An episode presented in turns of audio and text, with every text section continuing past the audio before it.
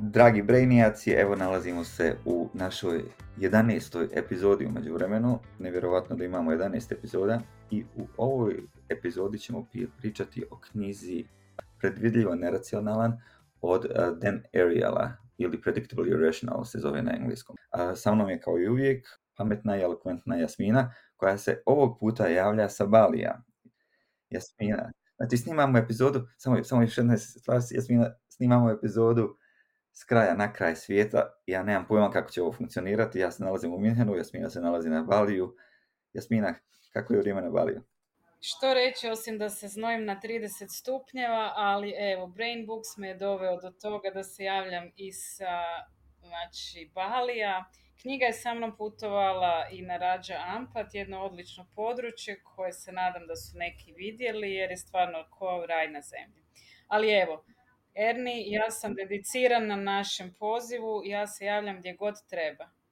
Možda prije nego što krenemo s knjigom da kažeš par stvari o tvom putovanju. Znači ti ćeš biti na putovanju, ne znam, tri mjeseca, jel tako? U principu smo na promociji svoje engleske verzije knjige. Krenuli smo sa Singapurom, sad je Indonezija, poslije toga Filipini i tko zna gdje će me još dalje pozvati. Šalim se. U svakom slučaju da ovo je jedno od putovanja koliko znate ili ne znate, ali da, jedna strast su mi putovanja. Nije uvijek lako, ali jako zanimljivo. Za vas koji to niste već saznali u našim prethodnim podcastima, Jasmina je poznata spisateljica. Pozivam vas da pročitate njenu knjigu Putovim Perzije, jel tako? tako? Ili na engleskom Journey through Persia, jel tako se zove?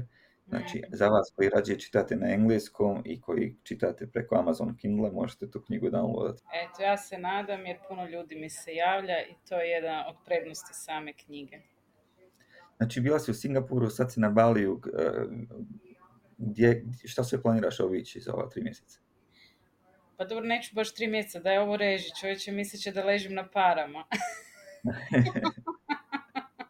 toliko sam zaradila od prodaje knjige da jednostavno ovaj, nisam znala gdje da to sve potrošim. Da, bila sam na Rađa Ampatu, to je dio isto Indonezije, poznat po snorklanju i ronjenju. Sad je nas Balija na Flores, nakon toga Filipini. Ali eto, nisam osvojila lutriju, ali dobro nam ide podcast, dobro nam ide startup, jednostavno ja vjerujem u naš projekt. With the right people you can achieve everything. ok, genijalno.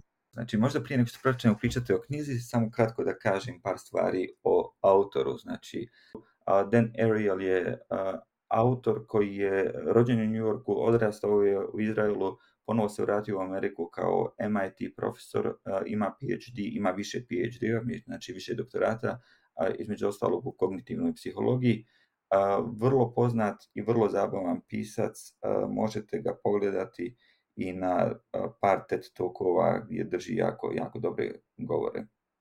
Po principu ja sam došla do njega na način da mi je prijateljica preporučila taj upravo TED Talk gdje on govorio o samim tim eksperimentima koji su zapravo ono sjajno napravljeni, rezultati pokazuju puno zanimljivih stvari i onda sam zapravo došla do toga da idem čitati njegovu knjigu koja me također oduševila. Od toga ima već jako puno godina i mislim da je ovo 2008 i da se puno toga što je on tada govorio se sada implementira i u marketingu i općenito znači u ekonomiji jer su ta sva istraživanja dovela do velikih promjena. Tako da Dan Ariel zaista možemo reći da je i dalje aktualan baš sa time, a velika prednost je to što su oni njegov tim napravili brojne eksperimente i u principu svaka od ovih priča ono nosi kako je to izgledalo i za koji su zaključci bili tih eksperimenta. Znači, klasična ekonomska teorija tvrdi da je čovjek racionalno biće koji donosi pametne i logične, racionalne odluke, Ali e, po njegovom istraživanju naše odluke koje donosimo često nisu racionalne i onda on kaže, ok, mi čak možemo i predvidjeti kako ćete, kako ćete vi biti neracionalni, zato knjiga predvidljivo je iracionalan ili predvidljivo neracionalan, kada ćete vi biti neracionalni i onda kada firme to prepoznaju, onda one to mogu iskoristiti da vas vode tome da kupite skuplji proizvod. Ali ne samo firme, nego i vaši dobri prijatelji, tvoj odličan primjer, Erni, možda da ga navedeš ovaj, ljudima da bude pojašnjeno kako je neću reći ishod, pa ispričaj ti. Što je stvarno vrlo interesantan eksperiment. Znači, što je napravio? Prvo je sa svojim kolegama išao ovaj, po kampusu i pitao studente da ih može fotografirati. Jel? U njegovoj priči on to vrlo smiješno pričao, neki su pristali, neki su ga samo čudno pogledali, drugi su pobjegli jer su mislili da je neki napasnik. I onda, ovaj, nakon što je složio fotografiju, nakon što je dobio sve te fotografije od studenta, Onda je uzeo drugi, drugi set studenata i tražio da odaberu dva najljepša muškarca, odnosno dvije najljepše djevojke.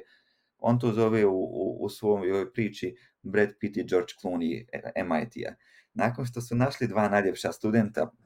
By the way, samo kratka digresija, ne bih imala protiv da me i jedan pozove na kavu. Možda, možda dok ne uvedemo treću opciju, jel? znači, kada su išli sa Brad Pittom i Emma eh, sa slikama kroz kampus i pitali ko, ko se djevojkama više sviđa, 50% se odlučilo za Brad Pitta, 50% za George Clooney. Znači, za, za tu dvojicu jel, najljepši studenta na MIT-u. Ali onda šta su napravili? Onda su uzeli Photoshop i jednog od, od njih dvojice, recimo Brad Pitta, su napravili samo malo ružnijeg i to su isprintali kao treću sliku. Znači imali su sad Brad Pitta, imali su Klunija i imali su malo ružnijeg Brad Pitta. Nakon što su dali tri opcije djevojkama, 70% djevojaka ili malo više od toga se odlučilo za Brad Pitta. Zašto? Zato što malo ružniji Brad Pitt čini ovog lijepog Brad Pitta ljepši, ljepšeg čak i od George Clooney. A Erni, da li si ti koristio te metode kada si bio mlađi? Ej, na, na, nažalost nisam. ja sam, tako prosvjetljen. Na, nažalost ova knjiga je izašla nakon... Nakon tvoje mladosti. nakon, što, nakon što sam se ženio i više mi pomoći nije bilo.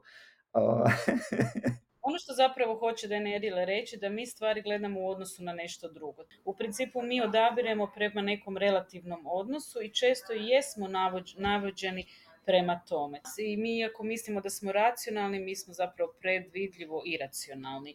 I tu dolazi taj odličan primjer iz restorana gdje čak postoje ljudi koji se bave s tom profesijom da kreiraju jelovnike, njihove cijene prema tome i često najskuplje jelo je namjerno tako stavljeno najskuplje jer je većina ljudi će naručiti jelo koje je u principu ispod tog najskupljeg jela.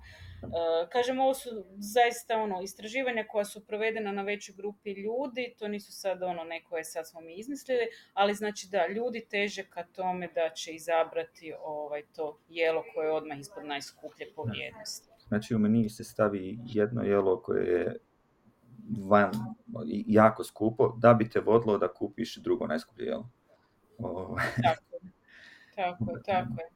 A, a ovo što se tiče znači, korištenja te knjige, za, vas koji još uvijek možete iskoristiti, on kaže ako idete u klub ili u bar i da bi, ne znam, nija, na, našli djevojku, najbolja strategija je da povedete prijatelja koji je sličan vama, ali je malo manje atraktivan nego vi. I onda to što ste vi malo atraktivniji od vašeg prijatelja vas čini atraktivnijim, čak i u odnosu na sve ostale koji su atraktivni u tom restoranu. Eto, vidiš ti trikove, tako da ono, još uvijek se neke stvari mogu i u privatne način iskoristiti. Kako to onda firme koristite? Kada odete u kino i kupujete kokice, imate male kokice, imate velike kokice, imate srednje kokice koje koštaju, ne znam, ja, samo malo manje od, od ovih velikih. I ove srednje kokice i ta cijena je tu samo da bude mamac da bi vi odabrali ove skuplje kokice. Zašto? Zato što male kokice koštaju 3 dolara, velike koštaju 7, srednje koštaju samo 6 ili 6,5 i onda vi kažete ok, za, za 50 centi ću ja dobiti već velike kokice i onda ću kupiti te velike kokice. Ta treća ponuda vam služi samo da vas usmjeri u jednom pravcu, a to je da kupite skuplji proizvod. Da, to je takozvano uvođenje mamca. Upravo to se znači na neki način koristi i ono što je zapravo bitno reći u knjizi. E, I dalje ćemo se mi vjerojatno ponašati iracionalno i bit ćemo podložni tim nekim sugestijama izvana i takvim nekim stvarima, ali je bitno da u principu vidimo da su to neke klasične metode koje nas mogu odvesti na jednu ili na drugu stranu. Možda ćemo mi i dalje tako nešto svojevoljno odlučiti, ali da budemo svjesni tih svih nekih, ajmo reći pod navodnike, i manipulacija. I upravo ta priča sa mamcem, kada imamo recimo i tri opcije, oni je dao isto sjajan primjer vezano za subscription za Economist, eh, kada je zapravo ta treća, eh, to je srednja opcija, navela nas zapravo na najskuplju. I to je ono zapravo kad istraživanja su radili i dobili su zapravo i taj rezultate koji su pokazali, a kada su bile samo dvije opcije, ljudi su se obično odlučivali za onu jeftiniju. Ovo, ovo što se pomenula, to se zove u principu dijelom i anchoring, znači da, da mi kada kada razmišljamo o cijenama, jel, u principu nemamo, nemamo pojma koliko šta košta. I da li auto, ne znam, ja treba koštati 40.000 eura ili samo 10.000 eura, mi, mi, mi tu ne znamo ono što, što se koristi, znači i u pregovaranju, jel, da se postavi prva cijena i ta prva cijena služi kao anker, kao, kao sidro, jel, i ti si već usidrio cijenu od 40.000 i sad mi možemo pričati da li će auto koštati 35.000 ili 45.000, ali, ali se sve vrti oko te neke ne, neke cijene. Jel? Tako je. Meni se jako svidjela ta priča o sidru i recimo za crne bisere koji tada još nisu bili prisutni na tržištu uh-huh. i sada ne ulazimo u detalje jer zapravo sama knjiga ima puno tih primjera i zaista su zanimljivi. Znači ti crni biseri tada nisu bili nešto ekstra po, ovaj, poznati. Da bi onda eh, Asel koji je zapravo se bavio sa tom prodajom dogovorio da oni dođu u Manhattan u zlatarsku radnju i da budu pored dijamantnog nakita i samim time je njihovu cijenu, to je sidro, stavio jako visoko. Osim što je znači bilo izloženo u prestižnoj zlatari, e, on je napravio ogromnu e, reklamu sa slikom i u principu stvorio viziju e, nečega nedostižnog i zapravo jako skupog. I to je ono što smo govorili Tom Sawyer efekt već prije, ali evo, to se onda zapravo pokazalo i na kraju su samo žene koje su mogle, bile bogate, mogle si tako nešto priuštiti. Mhm. Ono, ono što je stvarno interesantno tu je e, da on kaže da taj anchoring ne mora biti samo kroz tu prvu cijenu. Uh, on je napravio isto eksperiment sa studentima gdje, ih je, gdje im je zamolio je da zapišu zadnja dva broja njihovog social security number. Recimo zadnja dva broja sa, sa njihove kreditne kartice Znači oni su samo ta dva broja zapisali negdje na, na, na papir. Nakon toga su krenuli u neku drugu, drugu vježbu, a to je bilo da, da rade aukciju i ljudi gdje su zadnja dva broja bili, ne znam, 80, 90 ili ne znam, preko 80, su nudili tri puta više za istu stvar nego oni ljudi koji su na, na kreditnoj kartici imali zadnja dva broja koja su, ne znam, između 0 i, i 20. Znači, psihološki ta zadnja dva broja koja su oni čuli su napravila taj anker, napravili su tu kotvu i ukotvili su ovaj, cijenu kod ljudi a, podsvjesno da nude za određen proizvod između 0 i 20 ovaj, eura, dok su drugi nudili za isti taj proizvod između, ne znam, nije 80 i 100 eura. Da, pa zapravo to je jako zanimljivo. On je u jednom od poglavlja isto naveo koliko e, i naši stereotipi osobni i općenito utječu na donošenje odluka. Znam da to sad nije vezano toliko ovaj, za početak knjige, zato se meni možda i drugi dio i više svidio, jer je neke stvari e, dosta dobro objasnio, a s druge strane možda sada su meni bolje sjele, kada je govorio o američkim e, ženama azijskog podrijetla, da kada zapravo e, se u prvom dijelu ajmo reći, tog testiranja govori o njihovom podrijetlu, o ženama u društvu i, i na neki način stereotipima da su žene lošije u matematici koliko će zapravo lošije riješiti te testove koji je drugi dio zadatka, koji se odnosi na matematički dio, samim time što su žene podložne toj autosugestiji kroz prethodno, e, ajmo reći, taj neki razgovor. Mhm. Tako da mi sa, na tim načinom, kao što si ovo rekao, da te brojeve, kada govorimo, znači ako su veće, pa ćemo procijeniti cijenu većom, isto tako neke stvari zaista može e, utjecati to na kako će biti ishod određenih e, radnji, reakcija ili tako. I s mhm. te strane bilo mi je to jako zanimljivo ta autosugestija koju često govorimo i kod sportaša i kod određenih metoda da bi poboljšali rezultat nekog rada koliko zaista stvarno ima utjecaj. mm I ne znam koliko se sjeća Šerni, bilo je isto e, govora o tome kada su u prvom dijelu vježbe e, učesnici slagali rečenice gdje se pojavljivala riječ agresija, grubost mhm. i takve neke ajmo reći, negativni, od druge grupe koja je imala blagost, e, suzdržljivost, E, strpljivost, kako je to utjecalo u drugom dijelu vježbe upravo na, tu, na odnos među članovima. I to je recimo meni bilo jako ovaj, zanimljivi dio istraživanja. Mm. Da, ono što je nevjerojatno da, da se ljudi stvarno daju programirati bukvalno tako tim nekim ovaj, sugestivnim radnjama, da li ne znam ja riječima koje vode ka agresiji ili, ili ne znam u ovom slučaju ne znam ja da, da plati dva do tri puta više novca za istu stvar samo zato što im je a, ta kotva stajala više nego kod nekih drugih. E, interesantna mi je priča o, o bread makeru, Znači, prvi bread maker je svoj za pečenje kruha hljeba, jel? A, ljudi, prvi, prvi, prvi bread maker, kad je napravljen, on je koštao, ne znam, 280 eura i bio je postavljen, ne znam, negdje u Americi u, u šopu i ljudi ga nisu kupovali, nisu ga kupovali jer ti kad dođeš i kažeš, ok, znaš šta, možda mi je jeftinije kupovati hljeb, zašto ga ne bi, zašto bi ga sad pekao, zašto, ne znam, možda je to previše para, možda mi je coffee machine bolja opcija nego bread maker i tako dalje. Onda su pozvali marketinške stručnjake i marketinški stručnjaci su napravili sljedeći uz taj bread maker su postavili jedan puno veći bread maker koji košta 500 eura. Znači sad je kotva bila na, na 500 eura. Kad su ljudi rekli, ok, ne znam, imam veliki bread maker, ali ja ne pravim velike hljebove, Znači, zašto bi, zašto mi treba veliki bread maker koji košta 500 eura, možda mi je bolje dati 250 eura za ovaj manji, manji bread maker. Odjedan put je prodaja manjeg bread makera bila, je krenula i ljudi su počeli prodavati samo zahvaljujući tom Znači, isti, isti stroj koji mi nije trebao prije, samo zato što su imali usporedbu sa nečim puno skupljim, je odjedan put bio jako privlačan i ljudi su ga počeli kupovati. Da, Denerja samo veli, pogledajte, to je u principu isto mamac, samo ovaj, odlučite li vam stvarno treba taj, mhm. ta mašina ili ne. Da, da, Mislim, uvijek ćemo na to nailaziti. On, također u knjizi priča o, o ono, zero efekt, jel, kad je nešto besplatno, on se zove efekat nulte cijene, jel? kada je nešto besplatno, mi vidimo samo pozitivnu stranu toga. I onog trenutka kada nam nešto, neko ponudi nešto besplatno, mi onda idemo zaboravljajući da to u principu ima neki drugi neki drugi trošak. Pa da, recimo ti e, računi za, u bankama nekad ono budu besplatni, a u principu možda bi nam bilo jeftinije da smo uzeli malo neku plaćenu opciju koja uključuje to, to i to, i na kraju nas zapravo dođe jeftinije nego da smo uzeli taj besplatni račun koji će nam naplaćivati određene transakcije. Besplatno je upravo taj neki mamac. Meni je strašno zanimljiva priča jer je bila o Amazonu i, mhm. e, poručivanju knjiga i, da i ona priča sa francuskom. Jer želiš ti ispričati?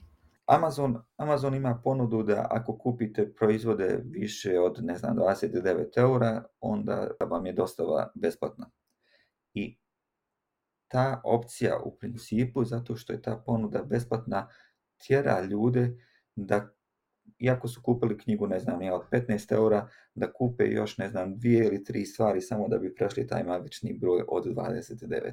I to stvarno funkcionira na mom osobnom primjeru. Ja, ja isto tako funkcioniram i kad vidim da, mi treba još dva, tri proizvoda da bih, da bih došao, koja mi možda trenutno ne trebaju, ali bi mi mogla zatrebati, onda je ti staviš u onu korpu više i kupiš više nego što si to htio, samo da bi, da bi uštedio tu dostavu. I to je kod Amazona funkcioniralo svugdje osim u Francuskoj i onda su pogledali zašto ne funkcionira u, Francuskoj i onda su ustanovili da u Francuskoj ta dostava nije totalno besplatna, nego košta samo 10 centi, jel ono, puno je jeftinija nego normalna dostava, samo 10 centi, ali ti samo 10 centi je ljude odmah odvratilo od toga da kupuju više stvari da bi dobili besplatno. Zanimljivo je, da, zato kada su u Francuskoj onda to promijenili, stavili istu metodu kao i u drugim zemljama, Francuska je ušla u taj pul gdje se pokazalo da ljudi isto funkcioniraju kao i u drugim zemljama kada se da besplatno. Znači stvari u tome da je to nevjerovatno takve sitnice koliko mogu utjecati. Mm, mm. Da, da, jer ako vidiš da si malo ispod, kupit ćeš još par stvari samo da bi dobio tu besplatnu dostavu. Jel? mogu samo se nadovezati. U principu s čim on to povezuje? On to povezuje strahom od gubitka. Jer kada imamo besplatnu stvar, taj strah se ne javlja. Međutim, ako mi moramo dati neke novce za određenu stvar, postoji određena bojaznost da ćemo biti na gubitku ako dobro nismo procijenili mhm. vrijednost. I to je ono što zapravo mi smo dosta upravljani određenim emocijama, to je pogotovo strahom ima interesantan eksperiment tu, ne znam da, li ga se sjećaš s knjige kada su prodavali uh, one praline jel, na, na, na sajmu. Da, da, da. Imali su dvije vrste pralina, jedne su bile ekskluzivne švicarske firma Lindt, koja proizvodi vrlo skupe proizvode, gdje je... Koja zna jer ona je fan od čokolade, za razliku od Da, samo Lindt kupuje. Lindt je dobra čokolada. Znači na tom sajmu su oni prodavali dvije vrste pralina, prodavali su lint za 15 centi po, pralini i prodavali su merčki neki brand koji se zove Kiss za, samo 1 cent po, pralini. I 73% ljudi koji su učestvovali u, tom eksperimentu, znači ljudi koji su dolazili da kupe, da te, te praline, su odlučili da kupe lint. Zašto? Zato što Lint je ono, vjerovatno 15, 15 puta bolji od, od Kisa i onda su ljudi to stavili u relaciju i rekli ok, bolje mi je dati 15 centi za, za Lint nego 1 cent za Kis. Šta su onda napravili? Onda su reducirali cijenu jednog i drugog za 1 cent, što znači da je Lint koštao 14 centi, ali je Kis bio besplatan u tom trenutku. I u tom trenutku kada je Kis postao besplatan, 70% ljudi se odlučilo da, da, da kupi, odnosno da uzme KIS, a samo 30% ljudi se odlučilo da, kup, da plati 14 centi za lint, iako je bio jeftin. Iako jedan i drugi proizvod su bili samo jedan, cent uh, niži. Znači, to je taj, taj efekat uh, nule, da ono kada vidimo besplatno, ovo što je Jasmina, što si ti rekla, kada je nešto besplatno, onda mi kažemo, ok, ako mi to dobijemo, mi ne možemo izgubiti ništa na tome, i onako smo ga dobili besplatno i onda je taj strah od bitka smo sveli, odnosno taj rizik od te transakcije smo sveli na minimum. Pa super mi je ono što je on rekao u knjizi, razlika između dva centa i jednog centa je mala, ali mm. razlika između jednog centa i nule je ogromna. Mm. I u principu je to to. Znači ako želite povećati svoj biznis ili šta, ponudite ljudima jedan dio nečega besplatno i onda ovaj, high life. To je mm. jedan od tips and koji evo sad, ajmo reći, možemo spomenuti jer stvarno zapravo to jako puno pokazuje da i zato više manje možemo vidjeti besplatne, ne znam, e, menjuele, e, određene fičere u aplikaciji, besplatne ako želite više, u principu morate doplatiti. Mislim, to su metode koje se već sad dosta ovaj, koriste, ali imaju svoju smisao. E, Odlično, mislim da je ovo jako dobar trenutak da privedemo ovu epizodu kraju. Iako smo snimali ovu epizodu s kraja na kraj svijeta, mislim da je tehnički prošlo sve dobro. Nadam se da ste nešto naučili i da, da su vam se svidjeli primjeri iz knjige Predvidljivo neracionalan od Dan Arielija. U sljedećem podcastu, u sljedećoj emisiji ćemo pričati ponovo o predvidljivo iracionalan i novim eksperimentima koje je Dan Arielija na napravio. Nadam se da će vas zabaviti i zasmijati kao što su imene. Umeđu vremenu puno pozdrava i volim vas Jasmina Jermin.